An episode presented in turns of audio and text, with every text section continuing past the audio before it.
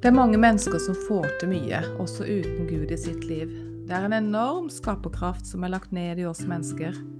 Bare det er jo seg sjøl et sterkt vitnesbyrd om Guds eksistens, spør du meg. Vi må da ligne eller komme fra noe som har en skaperevne, en skaperkraft. Men det er noe som skiller de som skaper med Gud, fra de som skaper uten Gud. Og det er dette som vil gjøre hele forskjellen. Det som vil gi mennesker noe mer, noe som gir håp, ikke bare her på jorda, men for evigheten.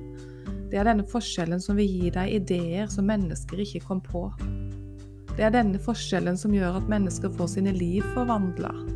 Og det er denne forskjellen som gir bøker, kunst, musikk, taler, entreprenørskap, oppfinnelser en annen dimensjon over seg, og som når menneskehjertet på et nivå andre bare kan drømme om. Det er også denne forskjellen som gir trøst, håp og skaper nytt liv når alt er mørkt.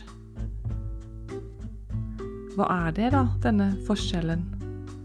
Jo, i skapelsesberetningen så står det så fint. Jorden var uformet og tom, og mørket lå over dypets overflate. Men Guds ånd svevde over vannflatene. Guds ånd, dere, det er hele forskjellen. Det var ved Guds ånd at det kunne bli en jord, et skaperverk.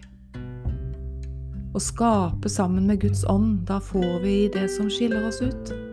Og verden trenger dette veldig mye akkurat nå. Det er de historiene som jeg vil ha ut. De som har Guds ånd i seg. De har potensial til å virkelig skape endring, håp, frelse, mening, retning, liv, klarhet. Så ikke gi opp eller utsett for lenge det Gud har lagt i ditt hjerte. Verden trenger det du har.